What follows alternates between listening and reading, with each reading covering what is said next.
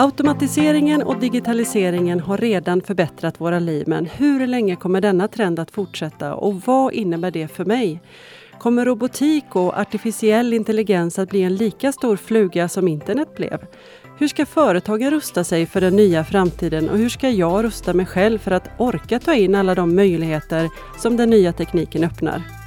Detta är en podd om det spännande skede vi står inför och hur du som företagsledare, medarbetare eller människa i största allmänhet kan tänka och göra.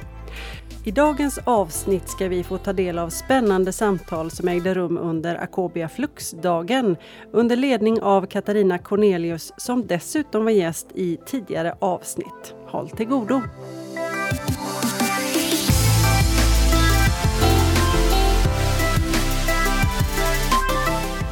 Välkommen Tore, Anders, Niklas och Karl till vår lilla poddinspelning. Eh, och jag tycker det känns viktigt att försöka fånga alla era perspektiv men också perspektiven som publiken har i den här eh, lilla stunden vi har tillsammans. Så att eh, vi kör igång helt enkelt med den första frågan som jag ställer till alla i gruppen och den som känner sig manad får jättegärna svara. Eh, hur tror ni eh, att den smarta eller uppkopplade fastigheten ser ut på två års respektive tio års sikt? Vad kan vi förvänta oss? Eh, Anders, Anders. Eh, Björling här. Eh, den, den, smarta uppkopplade fastigheten, om man ser på två års sikt så tror jag alltså det, det kommer inte kanske ske några gigantiska, i alla fall inte i vår värld, revolutioner så, men däremot så tror jag vi kommer se andra inslag av eh, tjänster och produkter som eh, ja, vi som fastighetsägare kan erbjuda i olika former. Eh, vi experimenterar mycket och är väldigt intresserade av att eh, hitta nya vägar och kanske kunna erbjuda andra värden än det vi tänker oss klassiskt idag. Mm.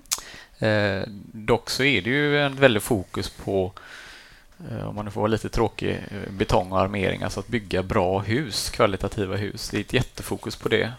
Eh, men man tittar också mycket på andra saker. Mm.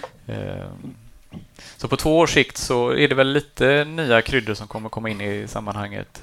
På fem års sikt så så kommer nog vissa av de teknikerna som vi använder oss av när vi bygger hus eh, förbättras och kanske effektiviseras i många olika former. Eh, för det händer väldigt mycket om man nu pratar, ser lite större perspektiv på om man tar det här med eh, certifikat eller certifierade byggnader som man efterfrågar på marknaden idag. Och det, det pushar oss till att göra andra produkter helt enkelt. Tore, har eh, du några perspektiv? Ja, jeg syns det er veldig spennende. Eh, jeg tror vi kommer til å måtte ta inn over oss at vi kommer til å ha mye kortere leiekontrakter. Eh, kontorer står tomme minst 50% av tiden. Det kommer til å være behov for å lage bygninger på en annen måte. Smartere, mer sømløst. Delingsøkonomi kommer definitivt til å komme og, og innhente oss.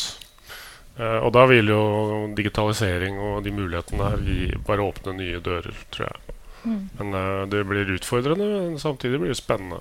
Mm. Och Niklas, hur skulle du säga att den här uppkopplade fastigheten, vad har vi för möjlighet att lägga till värden? Eh, pratar vi om två år? Ja, du får säga vilken tidshorisont eh, du vill. Pratar vi om framtid, alltså tio år, eh, då tror jag att nya byggnader inte minst kommer att ha mycket mera inbyggda sensorer för mögel redan i väggar, allt det här. Jag tror också att det kommer bli mycket mer öppet ekosystem. Man kommer kunna lägenheter, om man ser en lägenhet eller en bostad som en maskin, om vi pratar industrial internet of things, eh, så handlar det om hur mår lägenheten. Man kan prata med andra lägenheter och få reda på vad har ni för elpriser. Alla de här sakerna kommer att bli öppna. Jag tror precis som föregående talare också att man mycket enkelt kommer kunna säga ja, men då byter vi lägenhet med varandra. Allt det här kommer gå väldigt, väldigt fort. Eh, jag tror att lägenheter redan från början kommer att, precis som vi ser med många av de här tv-boxarna som vi får hemskickade till oss, eller Tesla-bilen, de kommer vara utrustade med otroligt mycket mer än vad vi kanske initialt använder. Men när vi väl säger att Nej, jag vill ha den här tjänsten, då finns det redan installerat. Mm. Det vill säga att om, du flyttar in som ung, vi säger som ett nyförälskat par, då kanske ni vill ha vissa saker. Lite ljus och musik och så. Men sen kanske någon av er råkar ut för en olycka. Då ska lägenheten kunna anpassas väldigt enkelt via portar och dylikt till eh, kanske läkemedels eller alltså medicinutrustning som behövs. Eller när du blir äldre. Det ska inte spela någon roll. Allt det här ska vara öppet och jag tror att lägenheterna kommer att bli utbytbara. De kommer kommunicera med varandra. Allt kommer bli mycket mer öppet. Mm. Karl, är det några specifika värden du kan se som eh, kommer att tillföras den närmsta tvåårsperioden? Jag skulle vilja säga så här att kollar man på nybyggnationer egentligen så är det ganska så långa eh, det är väldigt långa livscykler på de här byggnaderna och två år är egentligen bara det är projekteringstiden för de här nya byggnaderna.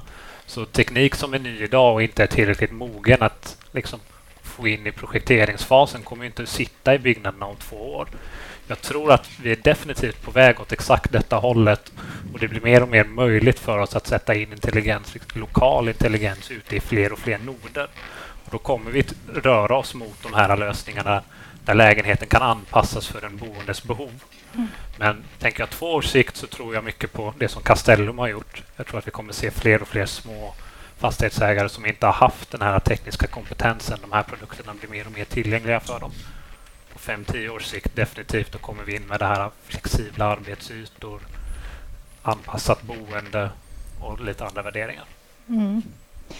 Eh, om vi går tillbaka till dagens situation då, Carl. Eh, vad skulle du säga att kundens fokus ligger? Är det i huvudsak affärsdrivande incitament eller är det tekniska incitament som står för drivkraften bakom förändringen? Där skulle jag säga att det beror väldigt mycket på vem det är som du som kanske produktleverantör har som kund egentligen. Vi vet ju att fastighetsbranschen är väldigt segmenterad. Det är väldigt mycket olika personer som man hamnar i dialog med. Pratar man med en förvaltare av en fastighet så, le, så lever ju de i en vardag egentligen.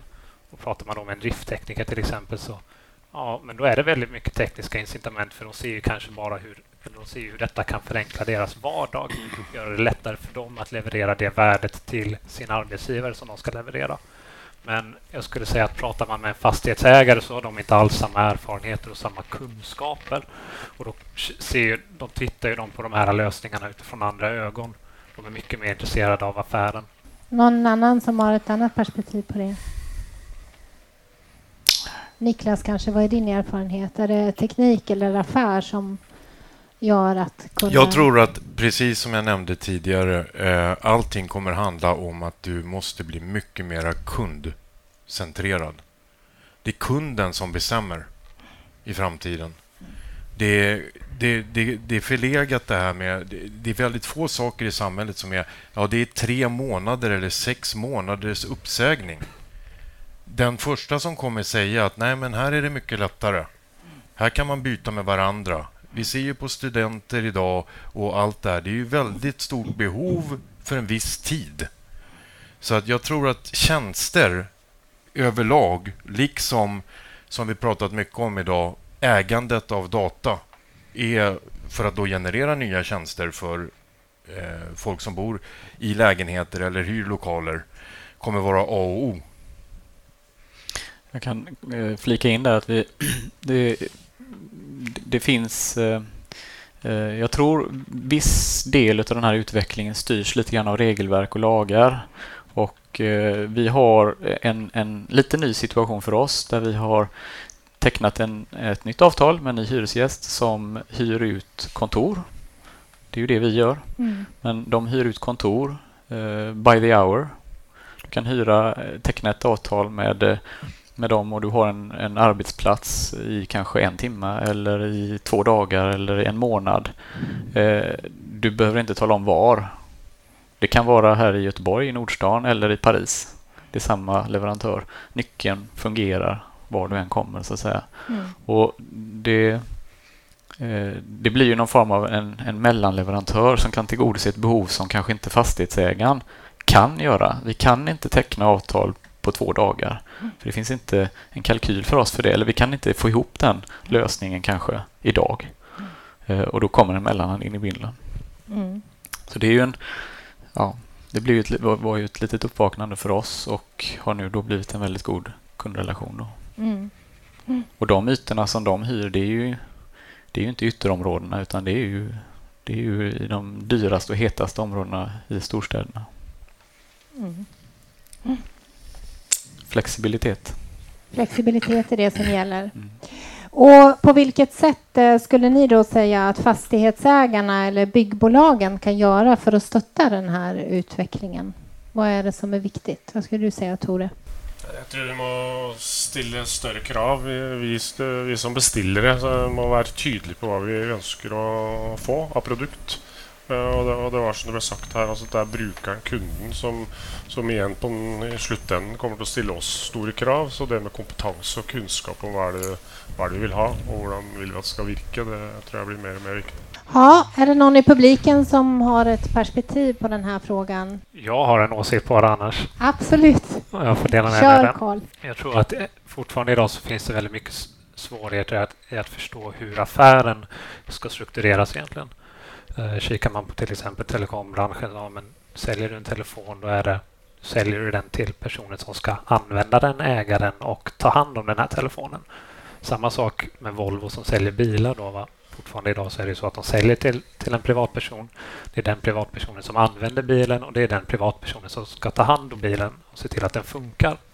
Kollar vi på fastighetsbranschen så är det inte alltid lika lätt. Utan den, den här fastigheten byggs av någon aktör.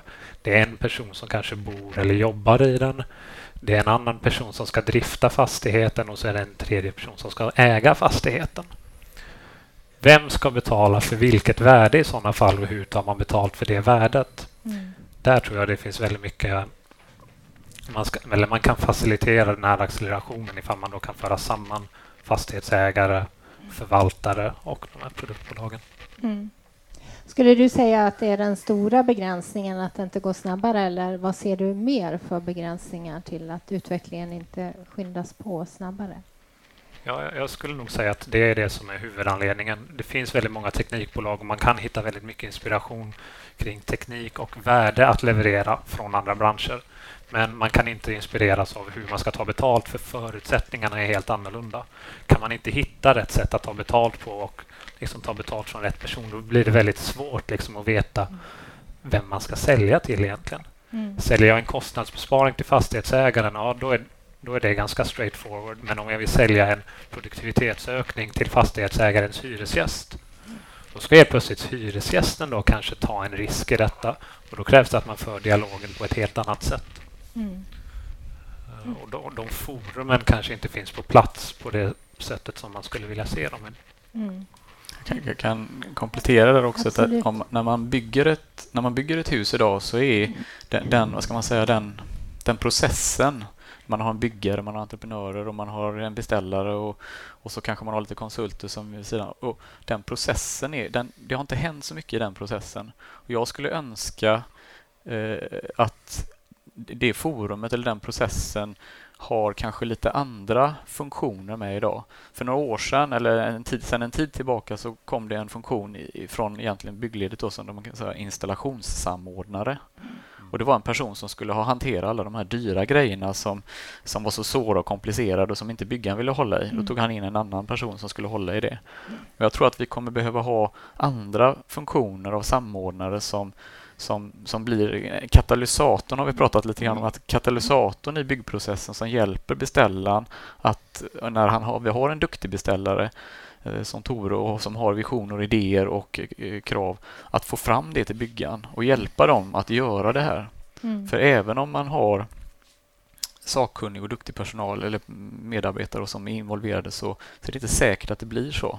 Mm. För byggaren, inget negativt om byggaren, men det blir inte alltid optimalt. Nej. Det saknas samordning, det saknas kunskap ibland.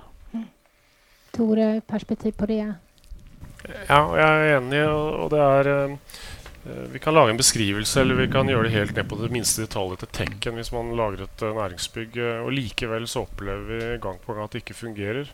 Og, og, det liksom å ha partner, ikke bare en leverandør, men ha en partner som virkelig du kan forvente at uh, sier fra hvis han ser noe på en plantegning eller en funksjon eller hva det nå er for noe, og sier at dette kommer ikke til å fungere. Mm. Uh, det trenger vi mer av.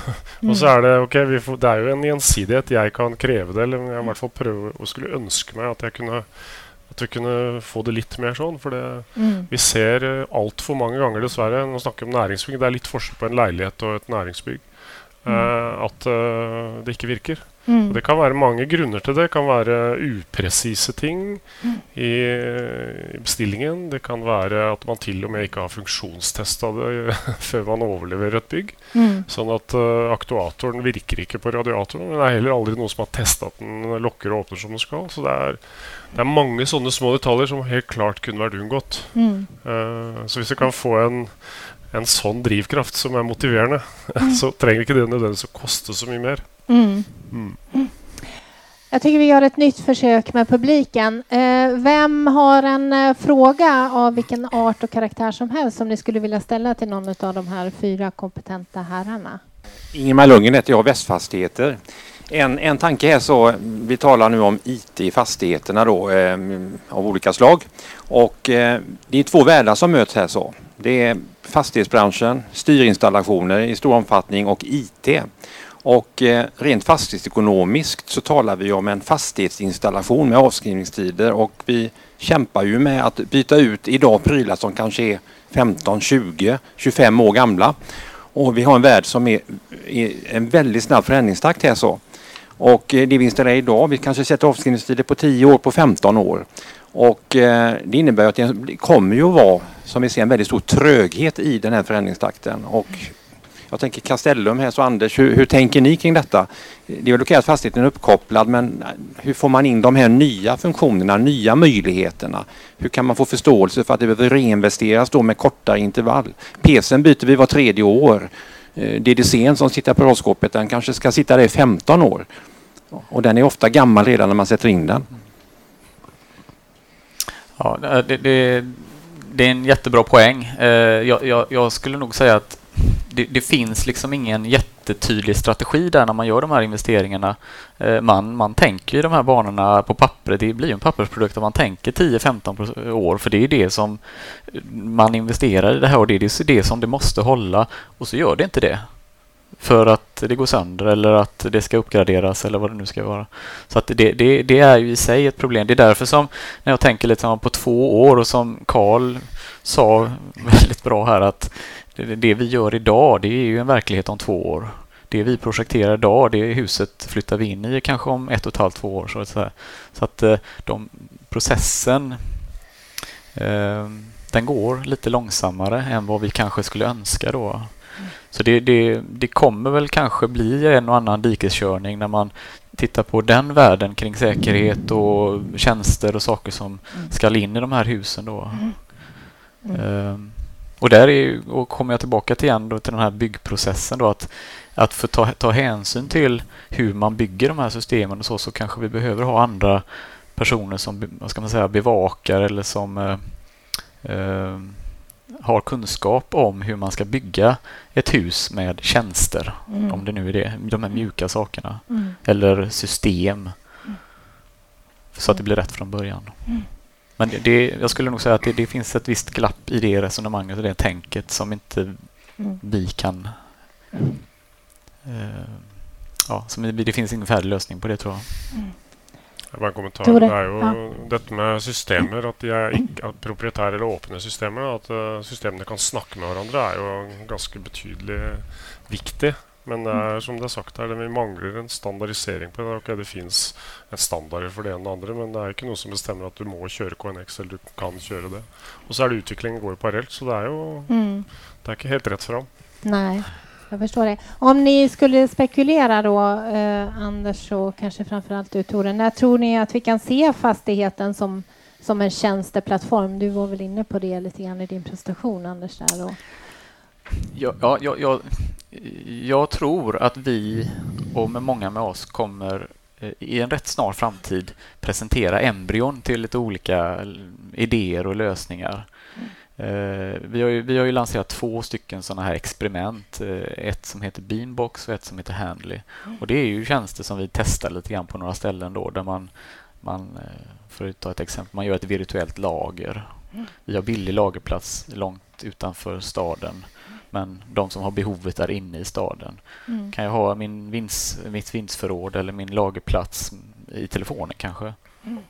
Och nu vill jag ha den lådan med mm. servisen eller den mm. eh, bilen till mig nu och kommer mm. imorgon. Eller ni kan hämta, jag ska lasta in några nya grejer. Mm. Så det finns lite sådana idéer och jag tror man kommer bygga in det rätt snar framtid. Mm. Eh, men det är fortfarande, skulle jag säga, på ett experimentstadie. Mm. Eh, sen så kanske den utvecklingen går fort och att det blir ett stort behov och man tycker att det här, det här är ju jättebra och då är det klart, då är det ju bara att accelerera.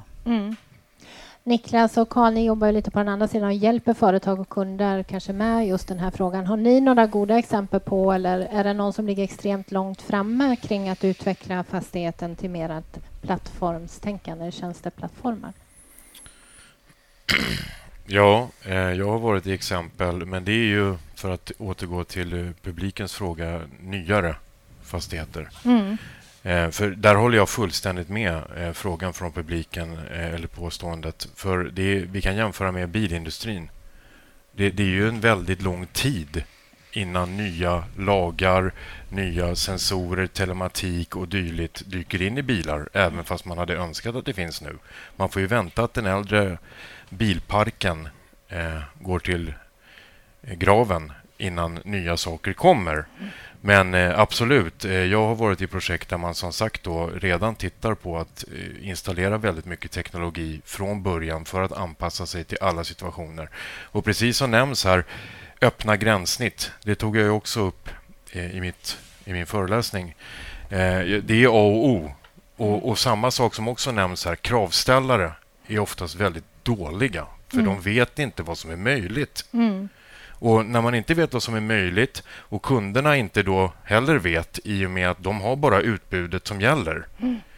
då, då, finns det ett väldigt stort glapp här. Mm. Eh, och Precis som nämns av Karl eh, här, det, det, som installeras idag eller görs idag det är redan det, är det som kommer om två år. Mm. Pratar man om min värld då är det ofta det som kanske vi köper idag som nytt. Det påbörjades för tio år sedan mm.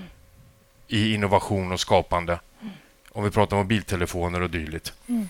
Så, så, att det finns en helt annan sätt. Sen tror jag i framtiden då, om jag får spekulera om det, att vi kommer se typer av blockchain och dylikt, sån teknik, i, inte minst i fastigheter. För i bilen idag, om du ska köpa en begagnad bil, då vill du ju titta i boken, loggboken. Vad har hänt? Vad har bytts ut? Och vad har inte gjorts? Och vad borde gjorts? Och hur många ägare? Och allt det här. Och Liknande tror jag vi kommer se i lägenheter. Vem har bott här innan? Vad har bytts ut? Vad gjordes? Kanske innan jag köper den. Eller dylikt. Och då är det inte heller någon... Det går ju inte att ändra på. För att det är ju digitalt och du följer... Du har ett spår att följa. Och Sen tror jag starkt på det här med att man kommer kunna titta på varandras boende och lägenheter och byta saker med varandra. Det kan vara, alltså nu leker jag, jag är ingen expert på just el, men om vi säger att någon har extra mycket el som jag inte har, kommer förbruka, då kan en annan säga, men du, då, då tar jag din el för ett visst pris istället för att det kastas. För jag behöver el. Eh, och Det här ser vi ju i alla andra industrier. Vi börjar ju se fabriker idag som säger jag har maskin A, B, C som jag inte nyttjar vissa dagar den här månaden. Vill ni som kanske har material nyttja dem så får ni självklart göra det. Mot en bekostnad. Så att jag tror vi kommer komma till ett samhälle då, där liksom lägenheten eller boendet eller lokalen mer och mer kommer bli motsvarande vad en maskin för industrin är idag eller vad bilen är i koncept av ägande mm. och eh, reparationer och diagnostik och vilka tjänster som kommer. Mm. Ja, jag vänder mig till publiken igen. Har vi ytterligare någon fråga från publiken som inte behöver röra just det här vi precis just pratade om? Eh, Lars Eklund här, Mitsubishi Electric. Eh, funderar lite grann på det du berättar Katarina om, om förändringen. Alltså vem är det som är de stora aktörerna idag och, och Carl pratade lite grann om affärsmodellen. Den är rätt så komplex. Sen är att det finns nya aktörer som kommer in och tar er roll, Castellum eller andra som säger att det är inte lägenheten eller eh, lokalen vi hyr ut utan det är tjänsten. Så man säger den eh, vridningen på det så att säga. Är det någon tanke ni har eller någon fundering för framtiden? Eh, om du, tänkt, du tänker på de, eh, de här tjänsteexperimenten som vi håller på med? Eller, Nej, jag, jag tänker på att det finns nya aktörer som inte mm. hyr ut eh, lokalen i sig utan de hyr ut en tjänst istället och det är det man betalar för. Mm. Eh, ja, det, det är väl det, mer den frågan. Ja, ja det, det, är ju lite grann det vi nosar på här nu med den här eh, nya kunden som vi har fått. Då. Ehm, så det, det är ett, säkert ett tänkbart scenario jag har svårt att svara på det i övergripande så, men, men vi har ju som sagt vad vi har sett i några lägen då. Och, eh, om man får eh, spekulera lite grann så kan man ju tänka sig att det är ett resultat av de regelverk som vi har och de lagar och förordningar som styr oss. Både inom bygg och inom eh, ja, hela eh, fastighetsuthyrningsvärlden. då. Ehm, jag tänkte lite grann på det du sa där med, med eh, eh, att byggprocessen och så, att det finns ju, det, det är ju en, en, debatt med det, hur man kan förenkla och förbättra och snabba på upp hela den processen. Och det, det finns väl det finns ju massa krafter som önskar att det skulle vara enklare att hantera många saker. Och, Eh, jag hoppas att det blir lättare och bättre där. Jag vet inte om det var svar på frågan, men eh, jag vill hålla med att det finns säkert öppningar där det kommer andra aktörer som kanske kunde, kommer komplettera det här för att speeda upp processen och möjliggöra de här nya behoven som finns. Då. Niklas, du hade ett perspektiv ja, också. Eh, jag menar på att det här återigen kommer från kundperspektivet. Det är där krafterna kommer komma ifrån som helt enkelt ställer helt andra krav. Och Vill man se direkta värden för det så kan vi se det som att vi leker att vi har tio lägenheter som är bredvid varandra. Eh, de har lite olika uppkopplingar. Någon kanske använder ett 4G-modem eller vissa använder nätet som de har via bredbandet. Men vad händer när det börjar brinna i en lägenhet? Och den inte kan skicka ut att nu brinner det här. Då är det ju fantastiskt om andra lägenheter kan känna vi har inte kontakt med den här lägenheten. Vi skickar ett alarm. Det som kallas Watchdog och Heartbeat-funktionalitet normalt som säger att vänta ett tag, det är något som är fel. Vi kommer aldrig få något alarm eller någon händelse eller avvikelse från den här lägenheten för den är inte uppkopplad. Mm. Och Det kan man göra i långt, långt tidigare skede än att något har hänt. Mm. Så lägenheterna i sig då hjälper ju varandra mm. genom att säga att kan någon komma och titta på den här lägenheten för något är fel. Det är de andra lägenheterna själva som känner det. Mm. Eh, eller att nu börjar det bli väldigt fuktigt i två lägenheter av tio. Någonting måste ha hänt där. Så att man får den här eh, digitaliseringens fördelar av, mm. Av sensor fusion som jag, som jag då nämnde tidigare. Och Jag tror att, eh, för att spinna vidare på det, just det här med att intelligensen och tjänster knutna till då ett boende eller en lokal. Vi ser ju det idag att många sådana här platser erbjuder ju carpool om du bor i ett visst hus så har du tillgång till flera bilar som du mm. kan hyra. Mm. Många i storstaden de använder ju bara eventuellt en bil i helgen när de ska åka och storhandla. Mm. Varför ska man äga en bil? 90 procent av tiden står allas våra bilar på parkeringen. Då skulle man kunna säga, men du är min granne, min bil står still, använd den. Eh, och, just det här som vi pratat om med gränssnitt. Allt det här kräver ju då att man har öppna gränssnitt, mm. API som vi pratade om, Application Programmer Interface, och att de är tillgängliga, för annars kan ju inte lägenheter prata med varandra. Men då kommer den viktigaste punkten, som var mitt tal idag, och det är säkerhet. För inget av det här fungerar om inte säkerheten är hundraprocentig. Mm. Så det var mitt tillägg. Mm kan komplettera. Det, det finns ju några spännande projekt. Eh, ett som eh, har bedrivits här i Göteborg, men det finns ju på många ställen där man bygger i större skala. Att man tänker inte ett hus eller en fastighet, utan man tänker i en, en community eller en, mm. en, en, eh, en, samling, ett område. Där vi säger att vi bygger ett hus i egenskap av säg då Castellum och vi, vi kommer eh, bygga det energipositivt. Alltså vi kommer leverera mer energi än vad vi åtnjuter av i den här fastigheten. Medan en annan fastighet har en, eh, en, en, nära koppling till ett automatiskt avfallsåtervinningssystem. Ja, då behöver inte vi bygga det i den fastigheten utan då samverkar man då. Jag mm. tänker nu på eh, mm. uppe i eh, Chalmers där man mm. har ett rätt stort projekt som också var hade en EU-koppling till ett, mm. Eh, en satsning där uppe. Mm. Nu tappar jag namnet på det men... Viva. Eh, ja, så kanske det var. Mm. Och det, det, är, det är väldigt spännande för då mm. kan man ju åtnjuta eller dela på de här mm. resurserna som man finns då i allt vad det nu innebär. Eh, förutom de här eh, säkerhetsriskerna, om vi hinner med det en liten stund, då, vad skulle ni säga är riskerna med den här utvecklingen förutom det vi redan har varit inne på? Jag skulle säga att den största risken det är återigen som innovatör och entreprenör då, det är de som halkar efter. Mm. För när det väl händer, då händer det väldigt fort och då är det för sent att sadla om. Det är precis som vi ser med taxibolag. De blir tagna helt på sängen av att helt plötsligt... Det finns ju inte en chans att jag tar en vanlig taxi om jag kan beställa en direkt mm. vart som helst. Behöver inte lägga på extra kostnader. Ingenting. Mm. För att det är kunden som bestämmer.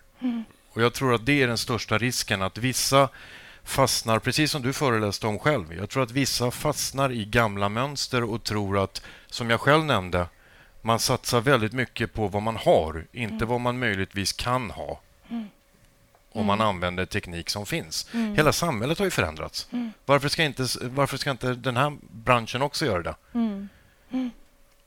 Vi pratade lite i pausen, Karl, om just det här vad vi på fackspråk kallar den här ambidexterity problem, nämligen att vi behöver ha kvar vår ursprungliga affär och samtidigt ut, utvinna den här nya och den svårigheten, balansen som många företag och organisationer står inför. Vad var ditt perspektiv där om du skulle sammanfatta det lite? Ja, jag skulle väl se det så här att eh, typiskt sett så är en organisation idag helt orienterad för liksom, den, dag, den dagliga verksamheten. Och det är ganska naturligt för det är den dagliga verksamheten som, som genererar kassaflöde för bolaget. Men del av det här kassaflödet kanske måste orienteras till en det man skulle kunna kalla för en utvecklande eller en innoverande organisation. Och Svårigheten med att komma igång med detta är att den här utvecklande organisationen kommer inte generera eller skapa produkter som kommer generera kassaflöde liksom om ett år eller om sex månader utan det är en organisation som ska tänka lite mer långsiktigt. För att man ska kunna bygga en sådan organisation så kräver det däremot lite annan kompetens. Det kan ju vara så att man står lite inför ett paradigmskifte nu även i fastighetsbranschen att man behöver börja få in kompetenser som man inte har haft innan. Det har varit väldigt orienterat liksom kring att ja, men en, vad ska en drifttekniker kunna? Jo, de ska förstå sig på en radiator, de ska förstå sig på spjäll i taket, och saker åt det hållet. Men ifall man börjar sätta in den här nya tekniken så krävs det delvis ny kompetens i projekteringsledet. Det kanske krävs ny kompetens i byggnadsledet och det krävs ju även ny kompetens i förvaltningsledet. Så det är väl det som är lite mitt perspektiv. Mm. Nej, jag, jag, kan bara instämma för att tittar vi på andra marknader som då industri till exempel så är det de två största hindren mm. är säkerhet och den digitaliserade kulturen mm. som du måste införa. Mm. Det är det som man kämpar för. Jag föreläser på mycket industridagar och det är, där har man problem idag med att få just studenter, ingenjörer att vilja jobba inom industri. Mm. Men när den digitaliseras och det blir en helt annan spelplan, mm. då vill de ju jobba där. Mm. Mm. Så det är en digitaliserad kultur som vi måste förändra, precis som Carl säger. Mm. Mm. Och eh, avslutningsvis då för att koppla an till den här spännande framtiden. När eh, ser vi den första mänskliga roboten inom fastighetsbranschen och vad gör han, hon, hen, det? Det hoppas jag vi ser väldigt fort. Uh, Førerløse biler er ikke akkurat noe robot, men uh, jeg tror uh, i løpet av fem år så, så, vil vi se noe som er ganske annerledes enn i dag. Og hvis du tenker eldrebølgen kommer jo til å komme og ta oss til de grader. Mm. Så hvis vi kan eh, sammen med sømløse, da, for å kalle det leiligheter som, eller, som kan leve og virke både for unge mennesker og gamle mennesker. Mm. Og putte på tjenester som kan avhjelpe offentlige Mm. til at folk kan bo hjemme lenger, Mm. så vil jo det være en uh, fantastisk stor potensiell mulighet for å uh, ja, skape noe nytt. Ja. Så det er spennende. Ja. Någon annan som har ett perspektiv på robotar i fastighetsbranschen? Vi har en, eh, en koncernchef som heter Henrik Saxborn som eh, sa på vår årliga konferens för några månader sedan att eh, vi ses nästa år och eh, då får vi se vem vi har med oss på scenen. Månne det vara en robot. Lite grann det som Niklas var inne på här att man får, för att provocera oss själva, att liksom att gå in i de här sakerna så måste vi stretcha och provocera och man behöver ha lite visionärer och så. Och jag skulle nog säga att förhoppningsvis så kan man nog experimentera med lite sådana här eh, robotar och system i en kanske en förhoppningsvis väldigt snar framtid. Mm. Avslutningsvis någon eh, sista fråga från publiken. Längst bak, Mikael. Mikael Nilsson, Akobia Flux. Eh, vi har ju hört många möjligheter idag eh, från alla talare. Teknik som finns redan, även om vi har pratat även om framtiden. Eh, vi, är också, vi är eniga allihop om att det går för långsamt och att implementera lösningar och teknik i våra fastigheter. Är det vi entreprenörer som är för dåliga att beskriva värdet? Eller finns det andra saker, andra parametrar som gör att det tar lite eh, för lång tid att eh, nyttja de här lösningarna som faktiskt redan finns? Eh, det är nog en kombination av många saker skulle jag säga ut, utifrån mitt perspektiv. Lite grann det som Ingmar var inne på här med att det, det finns en ekonomi bakom som också styr och det ser ju jag i, i, i min värld som ett litet hot i, vår, i sammanhanget att om inte ekonomin tillåter det så kan vi inte bygga på vissa sätt som vi vill då. Så det, det, det, det är ju en eh, parameter. Sen så är det paketeringen. Eh, att, att om man kan paketera de här lösningarna på ett bra sätt så att de, de är attraktiva, att man ser ett värde i det och att det inte blir för stort och komplicerat eh, så, så är det lättare att få in de här systemen i det. Eh, mycket handlar nog om att liksom inte titta på tekniken utan se på, som Karl har varit inne på, värdet i hela lösningen. Och Niklas, du hade ett sista perspektiv på... Ja, på eh, återigen om vi pratar ROI, alltså att få tillbaks pengar för något man har byggt. Då är det ju väldigt svårt att säga det i värden om man inte riktigt ser framför sig vad som är möjligt och vilka tjänster man kan sälja. Mm.